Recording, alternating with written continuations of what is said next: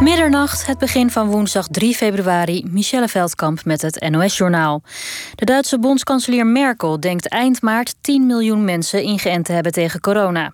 Op de televisiezender ARD zegt ze dat het haalbaar is alle volwassenen voor de herfst te prikken. Zelfs als geen nieuwe vaccintypes worden toegelaten.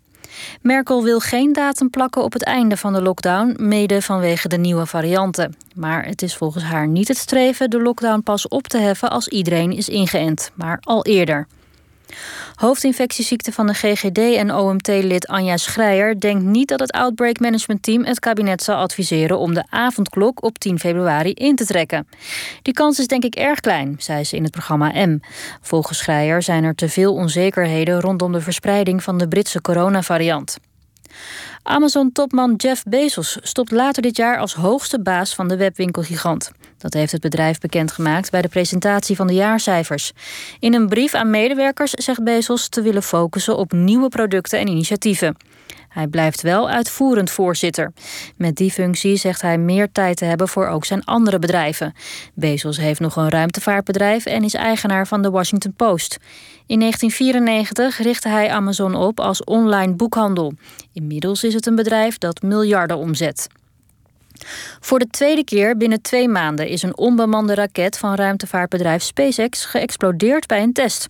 Het ging om een prototype van de Starship-raket, die in de toekomst mensen naar Mars moet brengen. De raket vertrok zonder problemen van de lanceerbasis in de Amerikaanse staat Texas. Op een hoogte van 10 kilometer draaide het toestel, zoals gepland, horizontaal en begon het aan de daling. In het laatste deel van de test moest de raket weer verticaal draaien om zo te kunnen landen. Maar dat gebeurde niet, waardoor de raket op de grond stortte en ontplofte. Mogelijk was een van de motoren uitgevallen. Het weer. Komende nacht is het bewolkt en valt er wat regen. Morgen ook regen en het is zacht met temperaturen tussen de 9 en 13 graden. In het zuidoosten gaat het enige tijd stevig waaien. Dit was het NOS Journaal. NPO Radio 1. VPRO. Nooit meer slapen.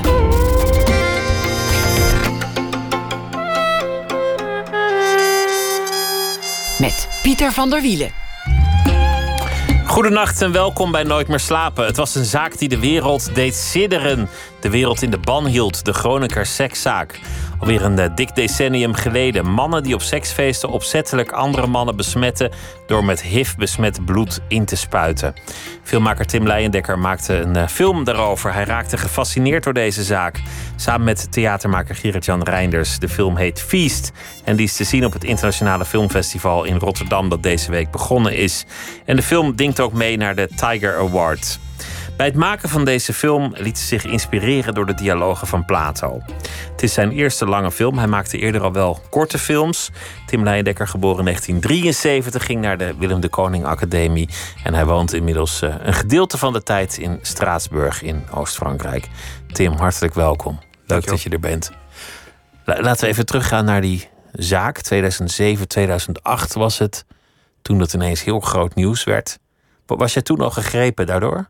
Ja, onmiddellijk eigenlijk. Toen ik daarover las, ehm, vond ik dat zo'n. Uh, ja, zo'n van, van zo'n heftigheid, zo'n onvoorstelbare heftigheid, dat ik, uh, ja, dat ik daar onmiddellijk door gegrepen was. Ja. Wat, wat sprak je zo aan daarin? Of wat, wat greep je daar zo in? Ja, het leek me zo'n uh, pure manifestatie van het kwaad op de een of andere manier. Dat je ehm, niet alleen uh, iemand seksueel misbruikt, maar dat je ook, uh, zoals toen in ieder geval ook naar buiten kwam, dat, dat mensen uh, moedwillig dus echt bloed bij andere mensen hadden geïnjecteerd om ze, om ze te besmetten. Dat vond ik zo'n. Uh, ja, ook dat klinische aspect daarvan vond ik, heel, vond ik gewoon heel heftig. Mensen werden seksueel misbruikt, gedrogeerd. En als ze dan wakker werden, dan werd ze medegedeeld dat ze waren ingespoten met HIV. Nee, dat, is, uh, dat schijnt wel voorgekomen te zijn. Dus dat, um, dat een van die daders dat inderdaad uh, dan kenbaar maakte. Maar dat zijn wel incidenten geweest. Het is niet zo dat. Um, nee, er zijn heel veel uh, slachtoffers geweest die wisten dat er iets, iets aan de hand was. Maar die wisten niet wat dat dan was. Die hadden bijvoorbeeld wel een. nou ja, bijvoorbeeld die wisten natuurlijk dat ze gedrogeerd waren geweest en, en, en, en flauw waren, of tenminste nou ja, buiten Westen waren geraakt. En ook hadden gevoeld dat er bijvoorbeeld een, eh, een prikje bij hun bil was gegeven, of tenminste dat idee hadden ze. Uh, maar wat dat dan precies uh, betekende, dat kwam eigenlijk pas later aan het licht toen de GGD samen met de politie onderzoek ging doen naar wat er, wat er precies aan de hand was. En zo kwam de zaak aan het rollen en dat was groot nieuws. Voor, voor jou was het dus eigenlijk de openbaring van het grote kwaad. Van het ultieme kwaad, van, van de slechtheid. Ja, ik vond het echt een. Het is echt van jeetje, dat, dat je dat, dat iemand uh, aan kan doen. En uh, wat ook wel meespeelde, was de berichtgeving daarover. En um, um, nou, ik ben zelf geen grote telegraaflezer, maar ik weet nog wel dat zij kopte met HIV-monsters. Dat stond heel groot op de, op de voorkant. En dat vond ik echt heel, heel fascinerend eigenlijk dat je dan toch gelijk denkt, ja, maar monsters, dat is een beetje een kinderachtig begrip.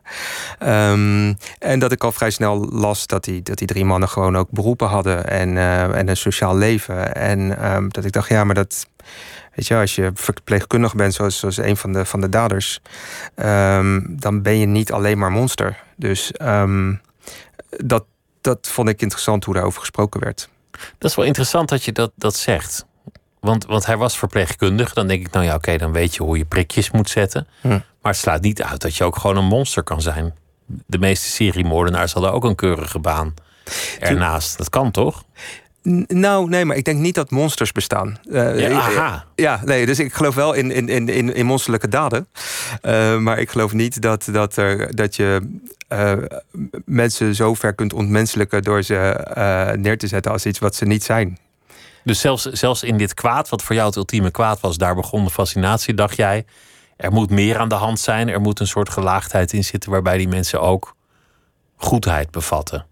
Ja, en niet zozeer, ja, precies. Niet, niet zozeer uh, op zoek naar verzachtende omstandigheden. of wat, waar, waar, dat psychologisch hoe dat dan zit. of waar dat vandaan komt. Maar meer gewoon van, ja, gewoon waarom doen we dat eigenlijk? Weet je, waarom, waarom plaatsen we die dingen zo buiten onszelf door dat zo te noemen? Ik heb, de, ik heb de film uiteraard gezien. en ik had helemaal niet de indruk dat je op zoek was naar motieven of verzachtende omstandigheden. of dat je probeerde de andere kant van die mensen te zien. Of dat je de daden probeerde te excuseren. Al dat soort dingen. Ik heb wel films gezien over gruwelijke misdaden waar dat geprobeerd werd. Maar dat waren andere films. Ik had niet de indruk dat die film daarover ging.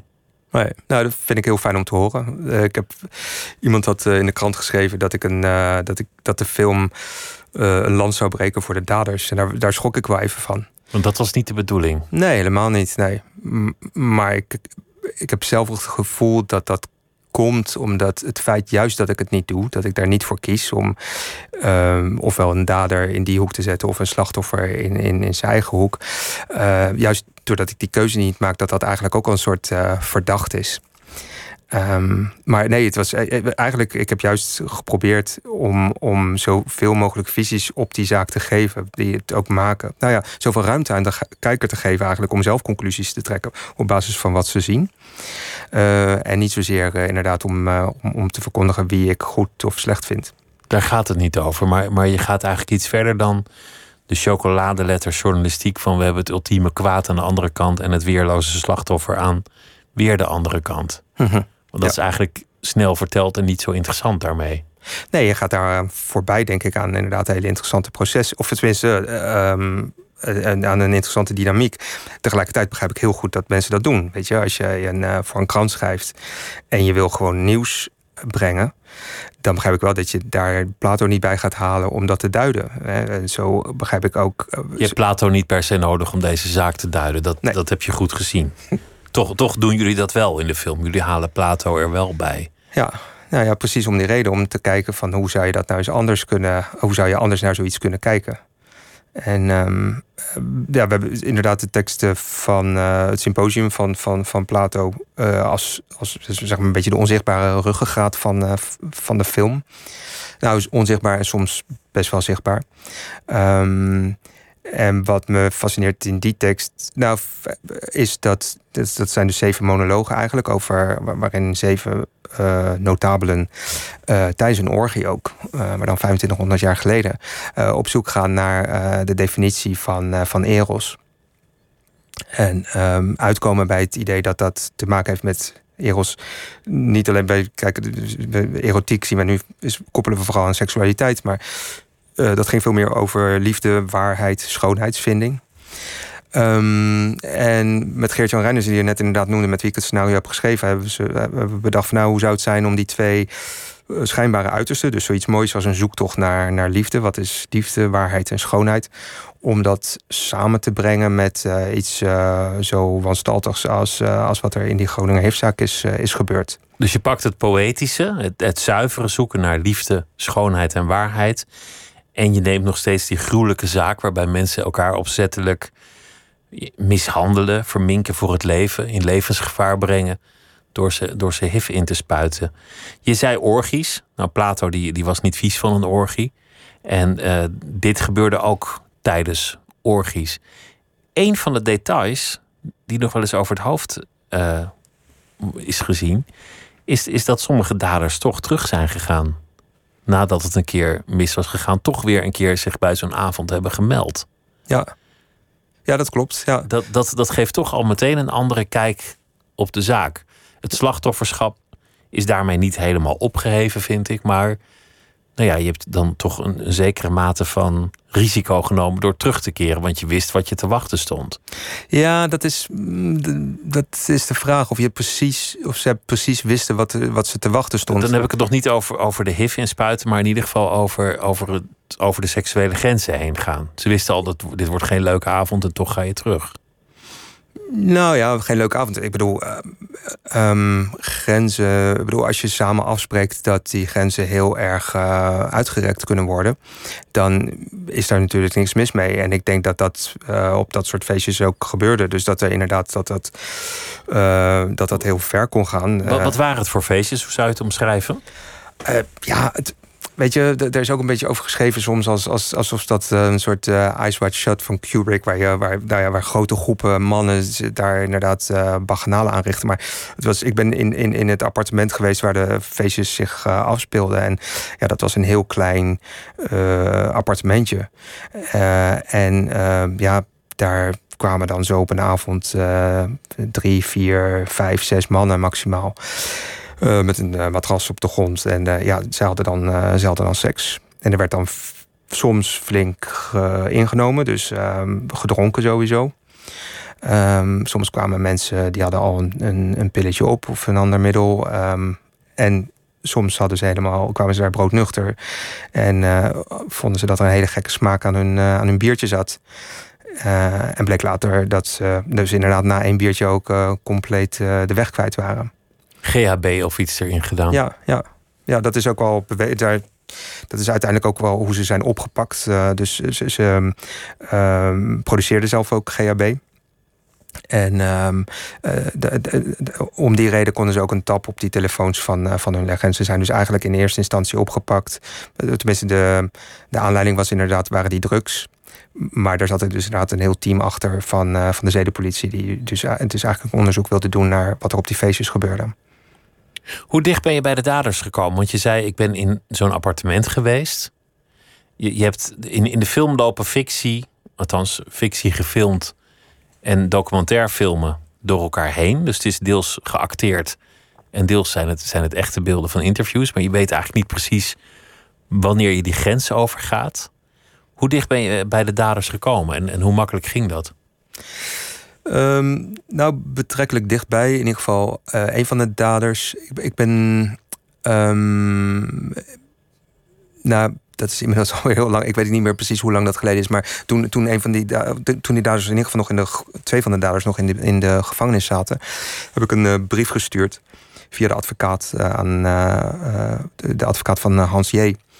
met de vraag of ik hem mocht spreken over, over een project waar ik, waar ik toen al mee bezig was.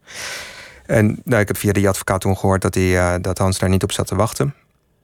En toen, een, uh, ik denk een jaar nadat hij vrij was gekomen, dus dat was iets van twee jaar later, uh, stuurde hij mezelf een e-mail.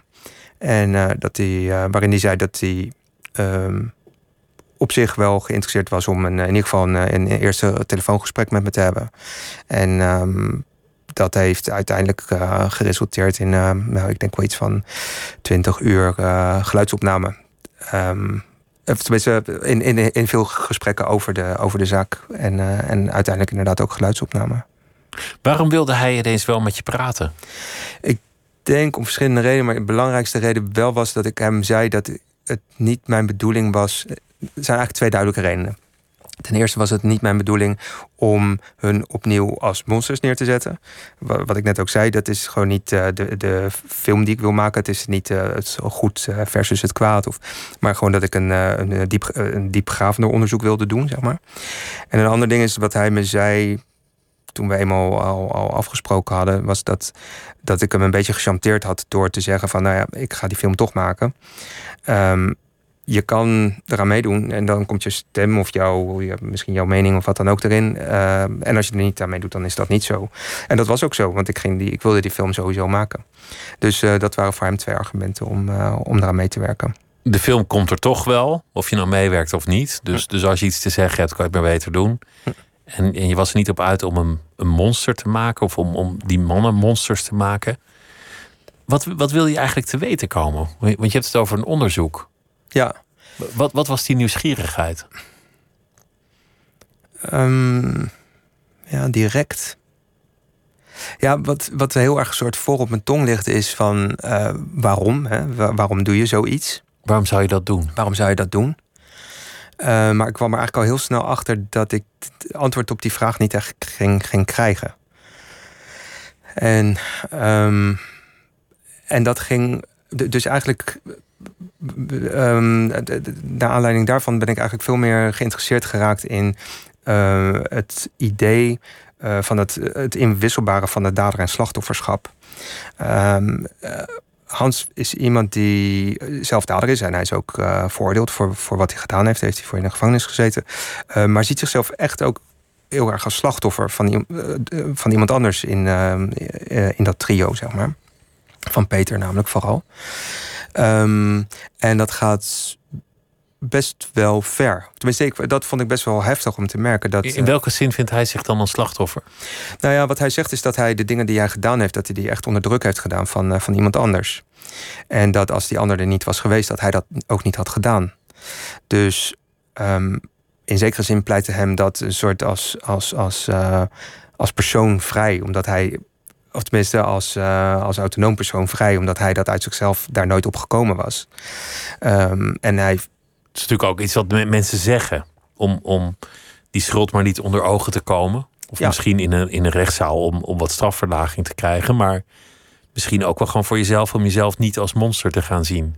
Ik denk dat dat uh, vooral is. Want ik denk dat het bij Hansen niet zozeer ging om strafvermindering. Of, uh, maar ik denk dat het vooral. Want die straf is al uitgezeten, dus, dus dat hoeft eigenlijk niet meer. Ja, nee, nee klopt. Ja. Het is altijd interessant als mensen niet in staat zijn om zichzelf als schuldige te zien. Als het gewoon niet lukt om naar jezelf te kijken en, en te zeggen: Dit heb ik gedaan, dit heb ik verkeerd gedaan, had ik nooit zo moeten doen. Hm. Dat is niet iedereen gegeven om dat voor elkaar te krijgen. Nee, nee, dat klopt. Maar ik moet wel zeggen, het is een soort onderscheid tussen. Hij geeft wel toe dat hij het gedaan heeft, natuurlijk. En hij. Mm, hij, hij, voelt zich daar ook schuldig over, dat zegt hij. En dat, ik geloof dat ook wel. Maar het is niet.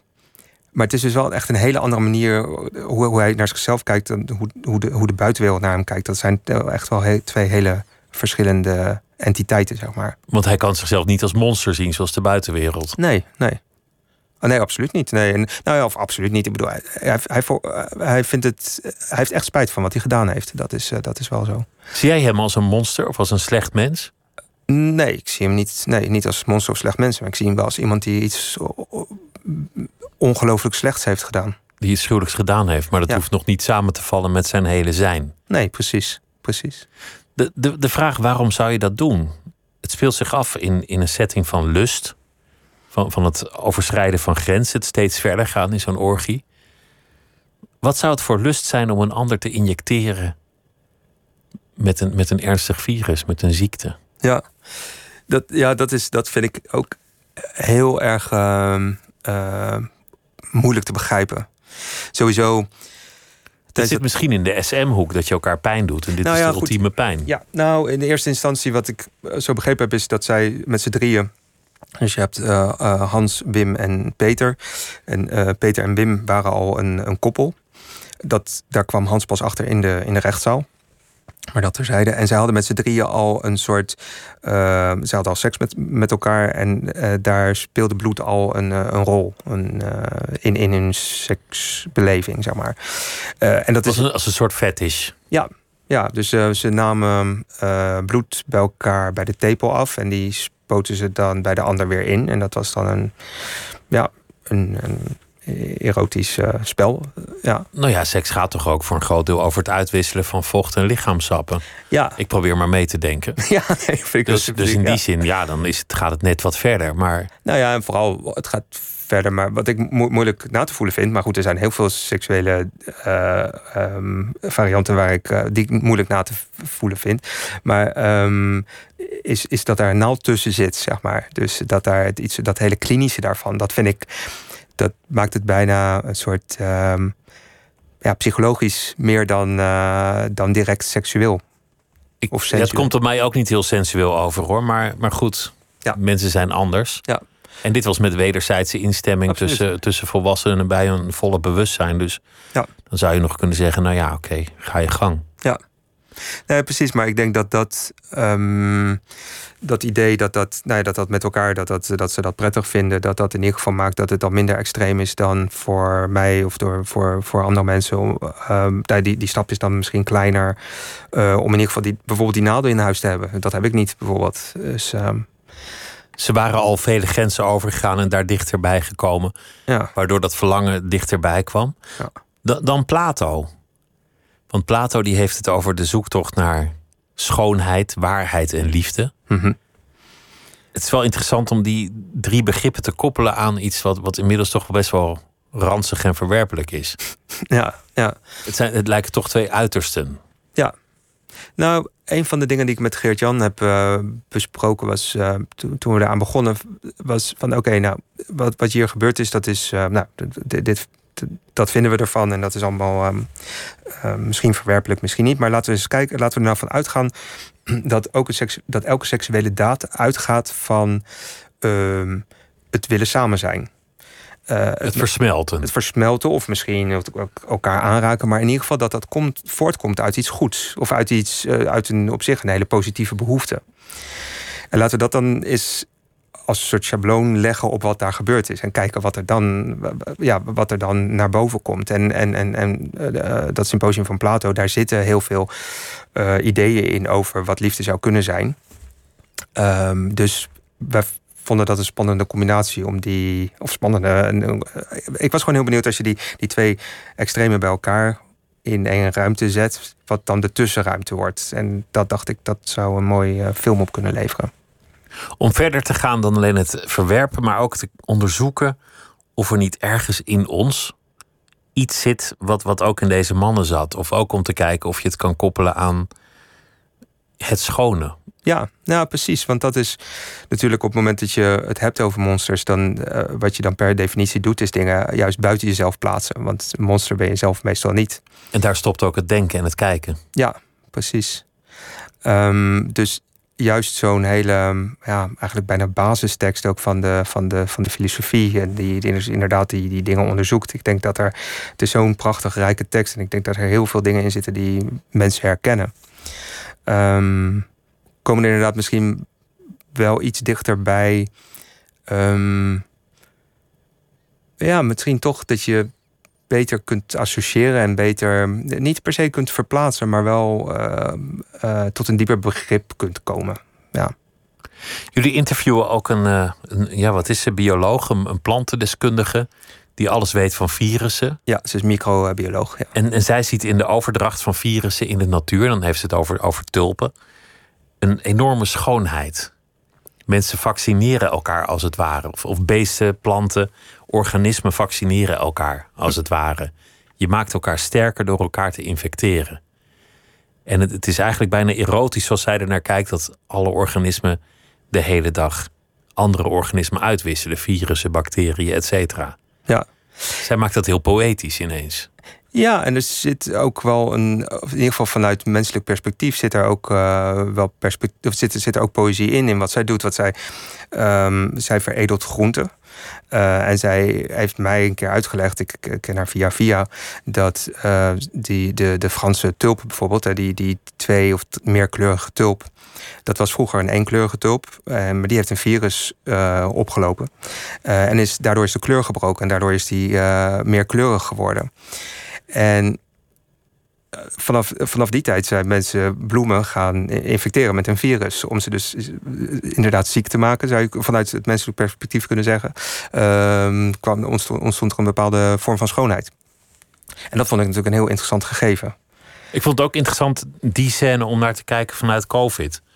Omdat het virus alleen maar slecht is en daarmee ontkennen we ook in zekere zin dat virussen er gewoon bij horen in de natuur. Ja, precies. Altijd onder ons zijn geweest, ook altijd zullen zijn. Ja, nou, het is wel grappig. De, de regisseur David, eh, David Cronenberg, die, eh, die had, die, die had zo'n opmerking die zei van... we zouden eens moeten kijken vanuit het virus wat dat betekent. In plaats van uit ons. Uh, de andere kant bekijken. Ja, ja wat, wat wil dat virus? Ja. En dat virus wil waarschijnlijk wat wij ook willen, is namelijk overleven. En als wij allemaal doodgaan, heeft het virus geen gastheer meer. Nee, precies. Ja. Moet u weer terug naar de vleermuis. ja. Of het schubdier. Ja.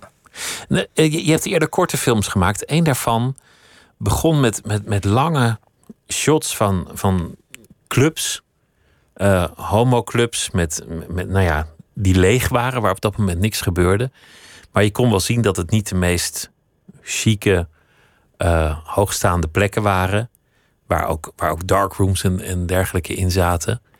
En langzaam kwam het verhaal op van een jongen die met iemand meegaat. Die ook een beetje bang is. Die man die rijdt te hard. En dan vraagt hij, wat gaan we eigenlijk doen? En dan komt er een soort hele gruwelijke, harde fantasie uit. En uiteindelijk vallen ze in elkaars armen in slaap. En, en wat, ik, wat ik mooi vond aan, aan die film in, in die paar minuten, was dat iemand op zoek was naar liefde in een setting waar je dat niet zou vermoeden. Hm. In een wereld waar hardheid, gruwelijkheid, grofheid centraal staat, of, of een bepaald soort verlangen. Toch op zoek zijn naar liefde, ondanks jezelf. Ondanks dat je ergens wel weet dat je daar misschien wel niet zult vinden. Hm. Waarom sprak dat thema jou zo aan destijds? Um, dat ik zelf um, daar ook heel erg veel getuige van ben geweest. Ik, ik heb zelf in, een, um, in Rotterdam in, uh, in, in, verschillende kroegen gewerkt. En ook op een plek, uh, dat heeft, heette de Shaft. En dat was een soort uh, ja, leather en jeans bar werd het dan genoemd. Maar inderdaad een plek met darkrooms waar, waar je wat kon drinken, maar ook seks kon hebben. De naam van de bar zegt al meteen iets. Hè? Shaft, dat klinkt al meteen. Ja, dus je ziet gelijk in zwart leer voor je. Ja, precies. precies ja. En um, ik ben op een beetje gekke manier terechtgekomen. Eigenlijk, uh, ik, ik, um, ik had een one-night stand gehad met een jongen die ik heel erg leuk vond. En die werkte daar. Maar eigenlijk vond ik dat een plek waar ik nooit uh, zomaar naar binnen zou durven. Als ik daar niet een excuus voor had. En toen heb ik een avond heb ik me echt letterlijk moed ingedronken. En ben ik daar toch naar binnen gegaan. En toen was die jongen daar niet. Maar ik was daar wel. En toen zei de, de barman, die bleek um, de, de manager ook uh, van die plek te zijn, Ben. Die zei: uh, Joh, uh, leuk hier, wat, wat, vind je ervan? En ik was een beetje zo van: Nou, het wel spannend. En zo zei hij: zoek, zoek je geen baantje? Ik studeerde toen iets heel anders dan. en um, toen. Um, toen kwam ik dus van inderdaad daar gewoon een soort per ongeluk en heel erg nerveus binnen. Dat ik mezelf hoorde zeggen: Ja, waarom niet? Dus ik heb. dus de plek die je eng vond, was ineens de plek waar je, waar je voortaan een paar keer per week zou komen te werken. Ja, ja. Ja, en dat um, vond ik echt een super fascinerende omgeving. Ik stond eerst in de garderobe, dus dan zie je, nou, komt iedereen uh, daar zich omkleden ook. Want dan doen ze hun warme jas uit omdat het winter is en dan gaan ze in hun, in hun leren pak verder. Bijvoorbeeld, of uh, zonder pak, of uh, nou, heel veel oh, ja, varianten. Okay. We hadden ook themaavonden. En, um, en wat ik heel mooi vond eigenlijk, of mooi, wat, wat daar gewoon was, was inderdaad ook die voor mij in ieder geval, misschien wel als uh, romantische jongeling toen, um, dat Tuurlijk ging het om seks, maar het ging ook heel erg om samen zijn en om uh, kameraadschap. En om. Uh, er waren ook uh, verliefdheden. En, um, maar mensen deden allemaal heel stoer, weet je. Het ging allemaal om wie had de grootste en wie had om dat soort. Maar, of tenminste, daar leek het om te gaan. Maar ik, ik voelde daar altijd een, een soort hele. Ik, ik, was soms gewoon echt een soort ont, ja, echt wel ontroerd door, de, door, door dat gevoel van die, die constante behoefte van mensen om samen te zijn. Um, en dat is inderdaad. Maar, en dat is precies die film, die, de korte film die je net beschrijft, de Healers. Komt ook voort uit, um, uit het symposium van Plato. Um, namelijk, daar zit een uh, anekdote in van Aris, of een anekdote, de monoloog van Aristophanes, de theaterschrijver. Die zegt, het is een vrij bekend verhaal dat de mens eerst een bolvormig wezen was.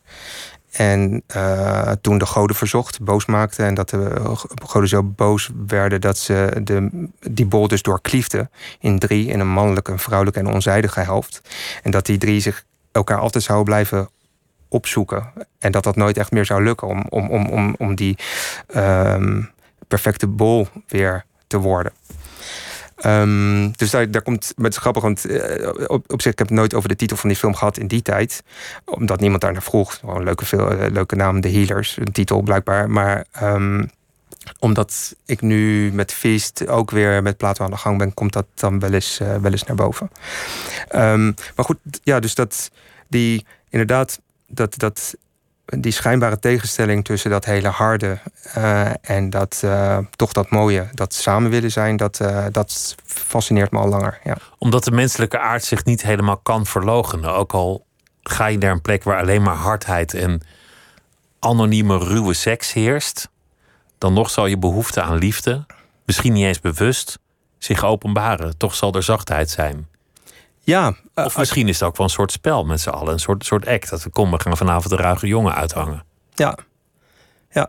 Mm.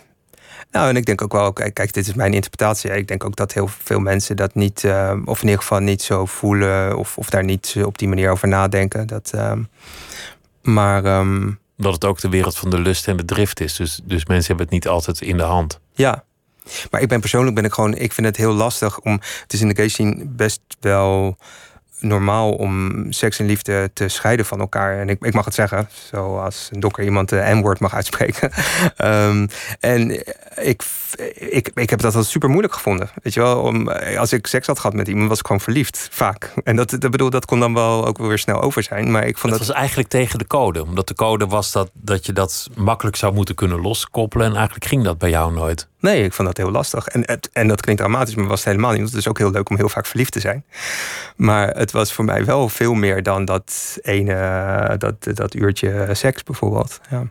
Je werd zelfs in zo'n setting nog verliefd. Ook als, als dat helemaal niet de bedoeling. Ja, nou ja, misschien niet, niet, niet direct in die setting, maar wel in de. Nee, oké. Dus dat moet, inderdaad, dat onderscheid moet ik wel maken. Het is niet zo dat ik. Ik was nooit zo heel erg geïnteresseerd om, om, uh, om, om echt seks op die plekken te hebben. Dat heb ik niet zo vaak gehad. Maar dan heb ik het wel meer over one-night stands. Dus dat je met mensen mee naar huis gaat. En de hele romantiek die daaromheen zit. Het, uh, het moet, uh, nou ja, het moet weggaan, s morgens bijvoorbeeld. En hoe, hoe, hoe, dat is, dat is altijd een soort. Ik vind het altijd een soort. Vond ik, we zitten nu al heel lang, heb ik een monogame relatie. Maar al, al soort, 17 jaar toch? Uh, ja, klopt. Ja. Nee, al 20 jaar. 20 ja, jaar. Ja, Dus, dus we zitten nu wel echt in je, in je verleden te, te, te graven. Ja, klopt. Maar, maar monogamie past dus duidelijk eigenlijk beter bij je dan. Nou, of, weet ik niet. Misschien seriële monogamie, maar in ieder geval wel meer gevoel dan de anonimiteit van de, de, de vluchtige contacten. Ja, ja, maar op zich ben ik wel heel blij dat ik dat, uh, dat ik in die wereld dat ik dat heb meegemaakt. Want ik heb ook hele mooie mensen ontmoet en hele toffe dingen meegemaakt. Ja. Be begon jouw openbaring van je geaardheid bij jezelf met verliefdheid of met, met lust? Weet je dat nog? Van mijn geaardheid. Dat je voor het eerst wist, oh, ik val op mannen. Was, was dat verliefdheid? Of? Nee, het was helemaal lust eigenlijk. Grappig. Toch wel lust. Ja, ja, hoe, hoe, oud was je toen? Oeh. Ja, daar heb ik nooit zo. Uh, Oké. Okay, um... Nou, nee, ik, ik weet het nooit zo goed. Ik denk pas eigenlijk best wel laat. Misschien pas 13 of 14. Is dat later? Oh, sorry. Ja, ik, hoorde altijd, ik denk dan altijd van die jongens die dan zeggen... of mannen die zeggen, ja, ik was op wist op mijn tweede al. Uh, nee, ik ben, ben, echt nog best wel lang dat ik... Uh, ik op mijn dertiende of twaalfde had ik echt nog wel een vriendinnetje... op wie ik echt verliefd was. Alleen... Dan, gingen we, dan ging het een beetje die kant op van uh, zoenen. En uh, nou ja, dat was het dan wel zo'n beetje. En dat vond ik echt heel oninteressant. En dat was wat ik op iets latere leeftijd uh, ontdekte. Dat ik, als ik dat met een jongen deed, dat ik dat echt heel erg leuk vond. Dus, dat, dus daarom denk ik ook inderdaad dat, dat die, die drift of dat. dat, dat het lichamelijke was ja, toch dat kwam voort uit dat lichamelijke. doorslag gaf dan ja. voor jezelf. Maar ook met die met mijn allereerste contacten. Daar heb ik ook een filmpje over gemaakt, stil. Een korte film. En um, dat was ook eigenlijk een beetje zo'n.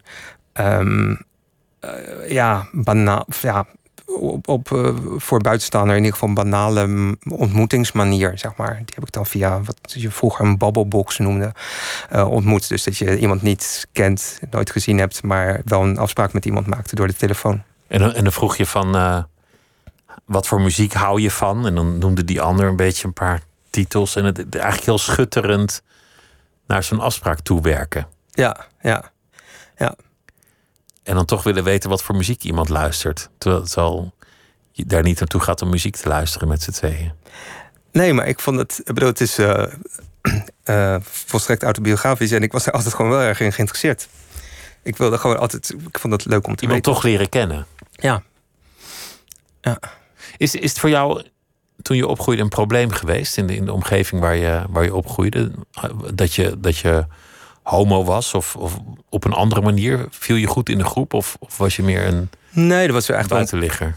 Nou, eigenlijk allebei. Maar ik, ik, ik, ben in een kleine gemeente opgegroeid, Leidsendam. En dat, was, uh, dat voelde niet als heel erg open en prettig. En uh, vooral ook omdat, wat ik net zei, ik was, ik, heb, ik was zelf niet heel erg jong bewust van, uh, van mijn homoseksualiteit. En andere mensen waren dat wel. Dus ik was zelf, ik werd wel uitgescholden voor homo en, en veel erger. En ook in elkaar geslagen en zo. Maar ik had zelf altijd, ja, maar ik zie dat zelf helemaal niet. Dus mensen probeerden jou uit de kast te rammen, als het ware. Ja, eigenlijk wel, ja. Terwijl... Maar dat, dat is eigenlijk wel heel gruwelijk wat je vertelt. Dat, ja. je, dat je al jong in elkaar werd geslagen. Ja, dat was ook best wel, uh, wel heftig, ja. ja. Je, je, je bent eigenlijk, zou je kunnen zeggen... maar ik weet niet hoe je dat zelf ziet... een, een laadbloeier in het leven. Hm. Ja. Is, dat ook hoe je er zelf tegenaan kijkt? Absoluut, ja, zeker. Ja. Ik moet altijd denken aan... Um, ik heb een keer ik weet niet of je het kent, I Ching. Dat is een soort uh, orakelboek. Uh, een beetje zoals tarot, maar dan, dan gooi je muntjes. Dus je, en dan leg je een, een patroon. En dat patroon dat kan je opzoeken in het boek. En dat is dan je vraag. Dus je stelt een vraag en dat is dan het antwoord op je vraag. En dat heb ik gedaan op mijn 19 of zo. En daar kwam uit dat ik. Um, het was een, een, soort heel mooi metaforisch verhaal. Ik weet niet meer van een vrouw in een, uh, in een, in een, in een moeras. En dat dat een heel. Of een jong meisje in een moeras. En dat dan heel langzaam naar volwassenheid uh, strompelde. um, maar dan inderdaad, dus juist op latere leeftijd. Um, tot een zeer bevredigende wasdom zou komen. En dat is, uh, ik weet niet of het een self-fulfilling prophecy is, maar ik heb zelf dat, dat het wel ergens in mijn hoofd gehad. En, uh, dat, het, dat het nog wel zou komen, dat, dat het mooie nog in het verschiet zou liggen. Ja, ja nou, daarmee bedoel ik niet dat ik nu een film heb die genomineerd is voor een prijs of zo, maar meer van dat ik uh, nu op een punt ben dat ik het gevoel heb dat ik dingen kan zeggen op de manier dat ik ze wil zeggen. En dat er ook nog mensen zijn die daarnaar willen luisteren en willen kijken. Dat is echt wel heel mooi. Nou, dat, dat lijkt me heel, heel gaaf als je ook je eigen stem hebt gevonden. Want je, want je hebt ook een heel erg eigen manier van film maken. In, ja. in die korte film zo naar voren kwam, maar nu in die langere film ook. Voor, voor wie later is ingeschakeld, Tim Leidekker zit tegenover mij. En het gaat over de film Feast, geïnspireerd op de Groningse HIV-zaak, waarbij mannen elkaar seks, uh, seks hadden en dan elkaar HIV inspoten via besmet uh, bloed. En die film is te zien op het uh, Internationale Filmfestival in Rotterdam. Een film in zeven delen, waarin je eigenlijk aan de hand van zeven scènes probeert dat te verkennen. Een, een van de hardere scènes is, is die waarin de slachtoffers eigenlijk door, in een verhoor door de politie keihard onder handen worden genomen. Mhm. ze, worden, ze worden eigenlijk niet geloofd, niet serieus genomen, tegen het licht gehouden. Heb jij contact gehad met die slachtoffers? Nee, dat vind ik wel. Nee, dat, dat is niet gebeurd. Dat heb ik wel geprobeerd. Um, maar dat was heel lastig. En uh, dat is dus niet gelukt. Dus eigenlijk alles wat in de film zit, dat gebaseerd is op. Eh, Of tenminste, wat, wat slachtoffers betreft, is gebaseerd op, nou ja, op, op getuigenverklaringen in, in, de rechtbank en andere mensen die met ze gesproken hebben. Um, dus nee, ik heb, ze niet, uh, zelf, ik heb zelf geen slachtoffers gesproken. Het, het, slachtoffer dat jij schetst, dat is, dat is eigenlijk de ultieme angst die jij had toen je naar die bar ging om, om de jongen voor wie je gevoelens had nog een keer te zien. En toen je zelf moed moest indrinken om daar toch naar binnen te gaan. En jij werd eigenlijk heel lief ontvangen en je kreeg meteen een baan aangeboden. Dus zo, zo hard waren ze niet voor je. Maar eigenlijk is, is wat, wat hem overkwam misschien wel precies de vrees die jij als jonge man had. Ja, ja, dat is. Uh, dat, dat zou best zo kunnen zijn. En dat is ook hoe. Er zit op een gegeven moment natuurlijk ook een omslag in die, in die sequentie waarin dat. Uh, nou ja, waarin, waarin dat duidelijk wordt. En uh, ja, nee, dat is inderdaad de vraag van ja, waarom. Wat, wat, wat zoek ik hier eigenlijk? Misschien wel in het, in het leven, maar specifiek op deze plek. En is dit wel de goede plek om het, om het daar te zoeken? En het niet weten daarvan. En wel het, het wel beoordeeld worden daarop. Bijvoorbeeld, dat zijn ehm, hele fascinerende machinaties. Ja. Dat de politie dan ook vraagt: ja, maar wat, wat had je daar nou eigenlijk te zoeken? Heb je er niet zelf om gevraagd? Wat deed je daar eigenlijk? Ja. Wat, wat, wat hele harde vragen zijn, maar wat volgens mij vaak met seksueel misbruik aan de hand is. Dat als, als iemand melding maakt dat het, het, is, het is niet altijd zo heel duidelijk. Of er is in ieder geval iets vooraf gegaan waarbij mensen, mensen elkaar ontmoet hebben. En volgens mij gebeurt dat ook vaak, dat mensen dan bang zijn voor die vragen die ook krijgen. Ja. Maar ja, wat deed je daar dan ook eigenlijk? Ja, zeker. En dan denk ik ook dat hoe verder de persoon die tegenover misschien zo'n rechercheur zit uh, afstaat, hoe makkelijker dat is om dat soort vragen te stellen. Dus als het gaat over feesten die de rechercheur niet zo snel zal begrijpen, dan, dan zou je dat eerder krijgen? Ja, ik kan me voorstellen dat dat eh, begrip minder groot is, ja. ja. Er, er worden ook, en, en dat is volgens mij ook historisch, mensen achtergelaten, bewusteloos, op, op allerlei plekken. Ja. En de film eindigt met, met iemand die op een strand ligt een hele lange tijd en niet wordt opgemerkt door, door de badende, zwemmende, verpozende mensen. Hoe hebben jullie dat eigenlijk gefilmd? Dat vond, ik wel een, een interessante scène. Um, ja, we zijn dus, dat, is, dat is op een strandje bij de, bij de Hoornse Plas uh, in Groningen. Dat is een stadspark in Groningen. En um, uh, inderdaad, volgens de een, een getuigenverslag. Ehm, een getuige werd. Een slachtoffer werd uh, op een gegeven moment na zo'n feestje wakker op, op een handdoek. En hij wist niet hoe hij daar uh, terecht was gekomen. En het is een verhaal wat inderdaad vaker terugkwam. Dat um, de slachtoffers tenminste de, de daders eigenlijk uh, die mensen niet meer in huis wilden hebben en ze dan naar huis brachten bijvoorbeeld. Dat is, daar zijn ook beschrijvingen van. Dus dan, dan voelden ze in de, in de en dan zat daar een huissleutel en ze wisten waar iemand woonde. En dan brachten ze die naar huis. maar soms er is dus onder andere die man die zegt: Ja, ik, ik weet gewoon echt niet wat er gebeurd is, maar ik werd wakker op dat strandje. En wat ik daar heel fascinerend aan vond, was vooral dat handdoekje. Omdat Ehm, kijk, dat je iemand neerlegt eh, of dumpt, dat vind ik al een hele gruwelijke daad. Maar dat je dan ook een handdoekje neerlegt, daar zit gelijk een soort. Um, ja, ik zie dan ook een soort tederheid voor me, gek genoeg. Weet je, dan, dan ben je toch. Dan eh, eigenlijk. Um, bekom je dan toch op iemand in zo'n rare, op zo'n rare manier. Dat vond ik heel, heel fascinerend. En ik, die, die sequentie is voor mij belangrijk omdat dat om, om, nou, omdat dat daar zo in, uh, in tot uiting komt. En, um, en die mensen die daar omheen liggen, eigenlijk hem um, ja, meer als een, als een object zien dan als een, als een mens. Ik zag het licht ook veranderen tijdens die scène. Ja, Hebben jullie dan iemand echt zo lang op een handdoekje laten liggen? Ja, Patrick de Haan is een danser. En uh, die, heeft, uh, die kon heel goed stil liggen. en uh, die heeft daar van vijf uur s morgens tot één uur s middags... nou ja, heeft, we hebben wel even wat gegeten tussendoor. Maar die, die, die heeft daar heel, heel goed stilgelegen. Ja. Acht uur op een handdoekje gelegen. Ja. Nou ja, hebben we allemaal wel eens gedaan. Is op zich nog wel te doen natuurlijk. Maar het is wel een soort ultieme angst. Als je het hebt over nachtmerrie. Voor dood achtergelaten worden ergens, is, is een nachtmerrieachtige ervaring. Ja. ja, en het is ook heel eenzaam. Dat vind ik heel heftig aan.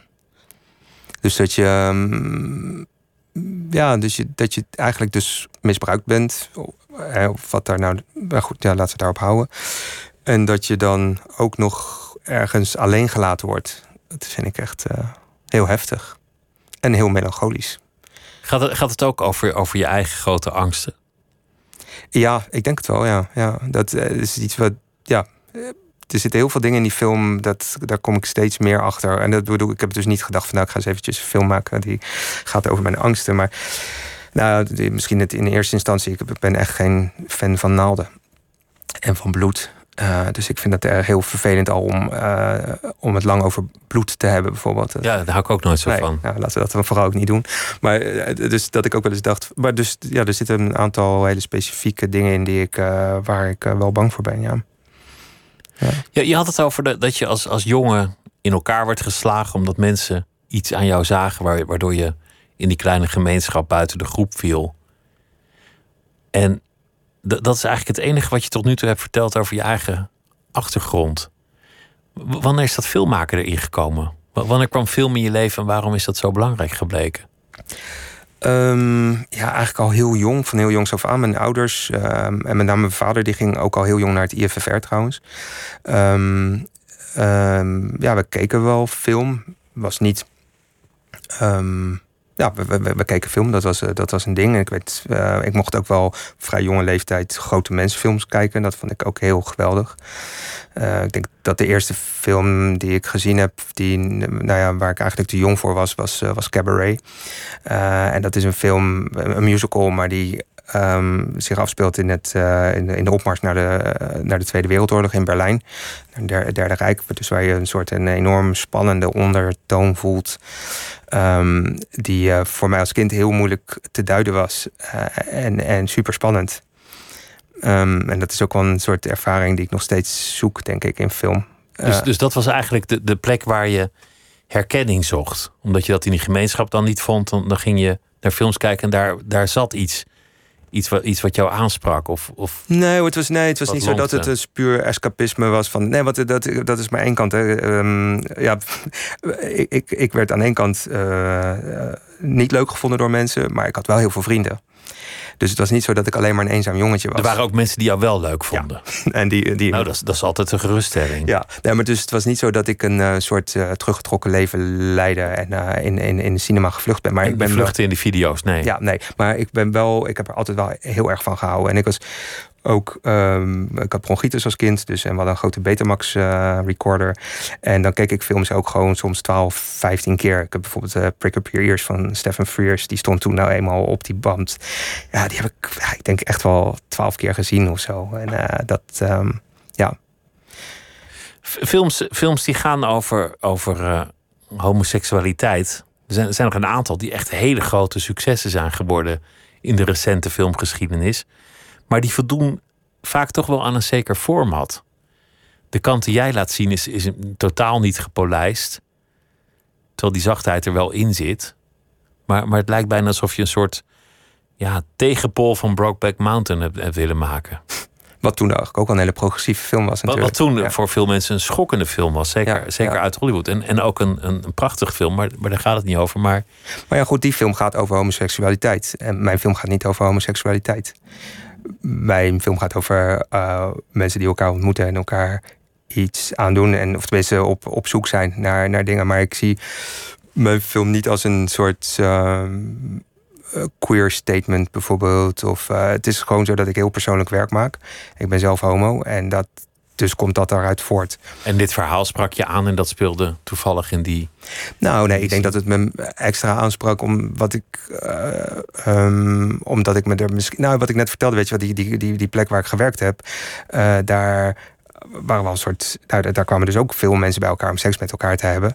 Dus ik denk dat ik me misschien wat meer zoals zo'n politieagent het veel enger vindt, denk ik dat ik het dan dat ik het me er iets beter mee kon identificeren. Dus dat, het, dat ik me. Beter... Je hebt al meer gezien en meer gehoord, dus, dus je schrikt al iets minder. Dus je... Ja, ja, en ik heb er misschien ergens ook stiekem wel natuurlijk een fascinatie voor. Dus, um, maar het is niet zo dat ik um, mezelf als een soort activistische of echt homofilms wil maken. Nee. Wat, wat ben je eigenlijk te weten gekomen over die vragen die eronder lagen? Dus, dus over het kwaad, bestaat het kwaad? Maar ook over de liefde, want dat is de andere vraag die eronder ligt. Wat is eigenlijk liefde? Wat is schoonheid? Wat is waarheid? Voor, voor een deel was die film een onderzoek daarnaar. Ja, ja. Dus het zijn reusachtige vragen natuurlijk. Precies. Ja, als ik nu het antwoord zou geven hier, dan had ik de verlichting wel bereikt natuurlijk. En zou je zeggen 42 of zoiets? um, sorry, wat bedoel je? Ja, dus dat, dat zegt ze altijd als dan wat is het antwoord op de, de ultieme vragen en de reden oh, van het bestaan. Maar, ja, en dan is dat zo'n grapje dat iemand dan een getal noemt. Ja, ja. Nou, ik weet nog wel, toen ik op het, ik heb op het Sandberg Instituut gestudeerd en daar was Jan Dietvorst, was, die zat in de, in de, in de commissie, uh, in de selectiecommissie. En die stelde mij toen een vraag. Die zei van ja, hoe, wat is uh, voor jou het allerbelangrijkste in het leven? En je moet het in één woord samenvatten. Ja. En ik wil dat gewoon niet zeggen, maar ik ik kon niet anders dan, dan liefde zeggen, natuurlijk. En, maar ik wilde zo graag iets slimmers, iets, iets uh, gevatters. Maar het, het, het, het, kan voor mij uh, toch maar, alleen maar... Het kon voor mij toch alleen maar dat antwoord zijn. Ja. Dat is uh, toch wel een goed antwoord eigenlijk? Ja, nee, ik schaam me er ook niet voor. Maar het is, um, ik dacht van ja, moet ik daar nou niet... Nee, het is, ja, het is wat het is. Ja. Je, je woont een gedeelte van de tijd in, in Straatsburg en een gedeelte in, in Rotterdam. Mm om, omdat jouw geliefde Frans is en, en die zijn werk nou eenmaal beter daar kan doen dan hier. Maar jullie hebben ook heel lang hier gewoond en tussendoor ook nog in Parijs gewoond. Mhm. Dat, dat blijft eigenlijk best wel ingewikkeld, denk ik. In welke setting je ook kiest. Omdat dat er toch altijd een element van, van reizen in zit.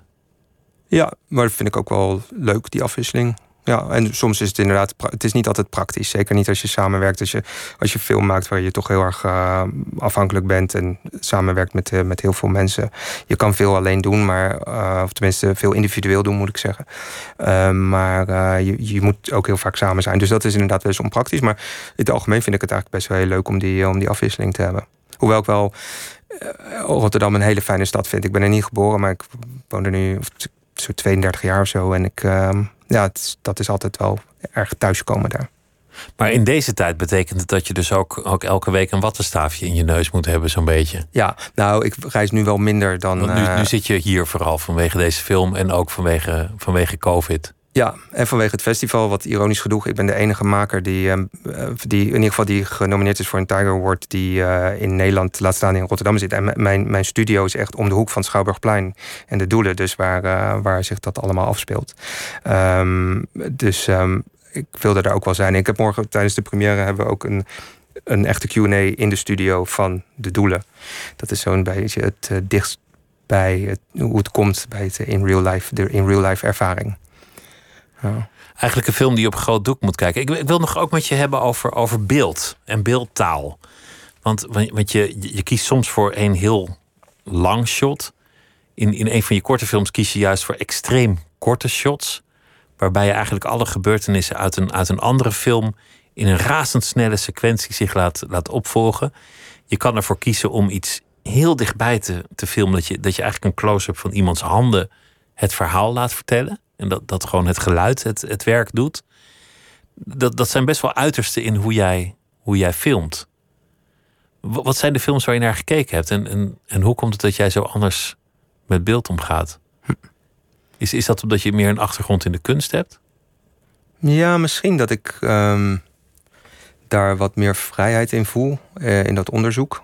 Uh, um, ik ben ook altijd wel nieuwsgierig wat wat, ja, wat het beeld achter het beeld is. Uh, bijvoorbeeld, je refereert denk ik net aan, uh, aan Blinder, een film die ik van, van, een kwartier die ik gebaseerd heb op een boek van José Saramago. Dat gaat over een stad, de stad der blinden, waar een, een epidemie uitbreekt, waardoor iedereen blind wordt. Het is bijna alsof je trefwoorden in beeld vat. Vrouw, man, auto, stad, ja. blind. En, en dat dan razendsnel, dus een, een seconde per beeldje, achter elkaar zet. Ja, of nog minder dan een, uh, ja, ik geloof of dat er vier beelden per seconde vier, zitten. Ja, ja, ja. Nou ja, dat, dat boek gaat dus over een, een, een, een epidemie uitbreekt waardoor iedereen blind wordt. En de, daar is ook een, een Hollywood-film van gemaakt. Met, uh, een, er is een Hollywood-film van gemaakt. En dat vond ik zo'n interessante omslag, omdat voor mij dat boek heel belangrijk was, omdat dat ging over onder andere over hoe moeilijk we dingen zien. En hoe we proberen altijd om dingen in een bepaalde vorm te gieten en het daarom behapbaar te maken. En ik vind een Hollywoodfilm, en ik, ik heb heel veel films die ik fantastisch vind die daar vandaan komen, maar wel bij uitstek een soort heel conventioneel medium. Echt een format bijna. Echt een format, ja. En wat, zo sterk, wat ik zo sterk vind aan dat boek is dat het eigenlijk gaat over mensen die juist niet meer kunnen zien en niet meer die. En terwijl jij, terwijl ik dus naar die film zit te kijken, dat gaat alleen maar over kijken. Dus eigenlijk wilde ik, wilde ik dat kijken opheffen door de kijker te bombarderen met een enorme hoeveelheid aan, aan beelden. En te, daarmee... te veel beeld maakt je ook blind als het ja, ware. Zo zou je dat kunnen zeggen. Ja. Dus dat is één, één ding, ja, die juist dat heel erg uh, uh, zoom inzoomen op dingen kwam in dit geval voort. Tenminste, dus die, die, de handen waar, waar, waarop ik inzoom zoom in deze film. Uit een soort. Uit het idee dat um, die man die zit te praten eigenlijk heel ja, rationeel altijd toch lijkt te redeneren waarom hij behalve dader toch ook echt wel heel erg slachtoffer is en inderdaad een, ja, toch een bepaald narratief voor zichzelf nodig heeft om zichzelf misschien aan te kunnen kijken of om over zichzelf te kunnen praten met anderen. Maar ik had zoiets, ja, maar oké, maar dit zijn wel je handen die dit wel gedaan hebben. Die, die daar, daar zat de schuld in die handen. Daar zat de schuld, ja. Dat, die hebben de, de naalden in de billen van die, uh, van die slachtoffers gezet. Uh, en om daar heel diep op in te zoomen. Ik denk niet dat mensen precies. Het gaat me er niet om om, om, om mensen die vertaalslag te maken die ik, uh, um, die ik zelf voor ogen heb. Maar um, ik hoop dat het een, iets oproept dat dat ook bij de kijker oproept. Je ziet in ieder geval aan de handen dat, dat er een zeker ongemak is omdat dat iemand wel weet wat hij gedaan heeft. En toen hij het deed ook wel wist dat hij te ver ging. Ja. En dat het niet kon. Uh, tegelijkertijd, kijk, is dat natuurlijk ook een montage. Hè? Um, je hebt het ongemak geaccentueerd hoor. Ja, misschien wel. Ja, soms en soms niet. Dat is, um, ja, dat is natuurlijk ook. Dat is ook iets wat ik met de film wil. Um, ik wil de kijker wel graag activeren. Van ja, wat ik hier zie, is dit. In hoeverre is dit. Uh, word ik hier. Ja, dus een beetje gemanipuleerd. Of dat doe je natuurlijk altijd als je, als je, als je een beeld maakt. En zeker als je, als je een film maakt. Um, maar ja, nee, dat is ook, ook een montage. Ja, je had het over de stad der blinden. Dat gaat ook over een epidemie. Ja. Uh, HIV is natuurlijk ook nog steeds een epidemie. Mm -hmm. Uh, in Nederland iets beter beheersbaar dan, dan voorheen. Maar nog steeds een, een ernstige ziekte. En, en daar zit eigenlijk ook wel de vraag die met COVID zo actueel is: van, van elkaar besmetten. In dit geval is het echt heel duidelijk strafbaar en misdadig, omdat je een naald in iemands kont zet en hem besmet. Maar iemand die naar een feestje gaat en een keer niest en daarmee een ander besmet, die zal toch een gevoel van daderschap kunnen hebben.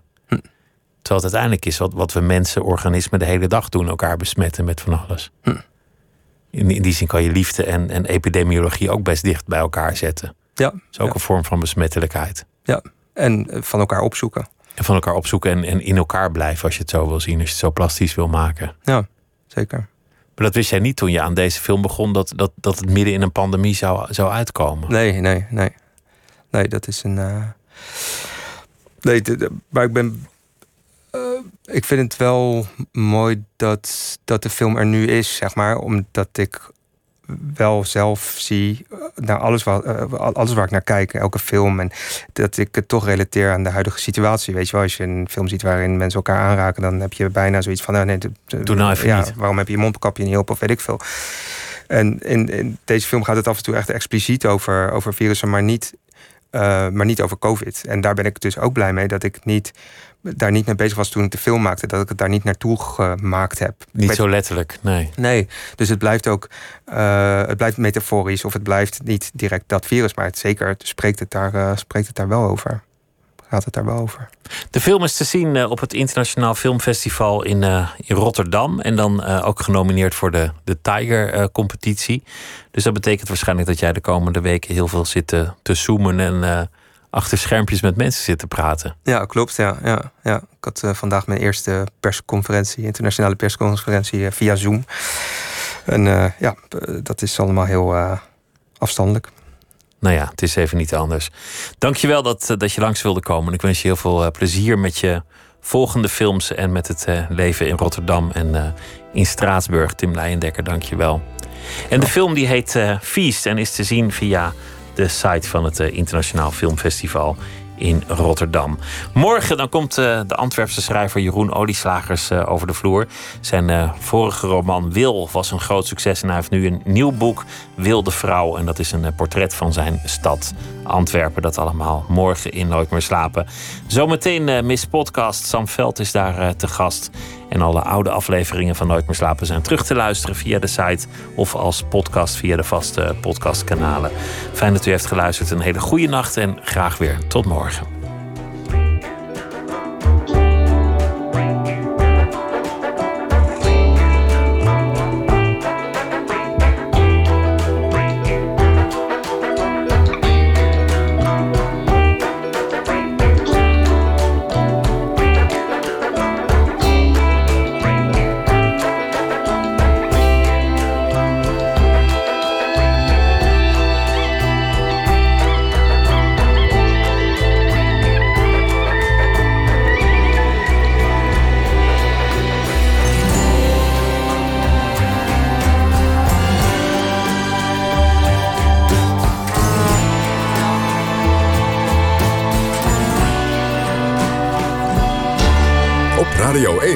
Het nieuws van alle kanten.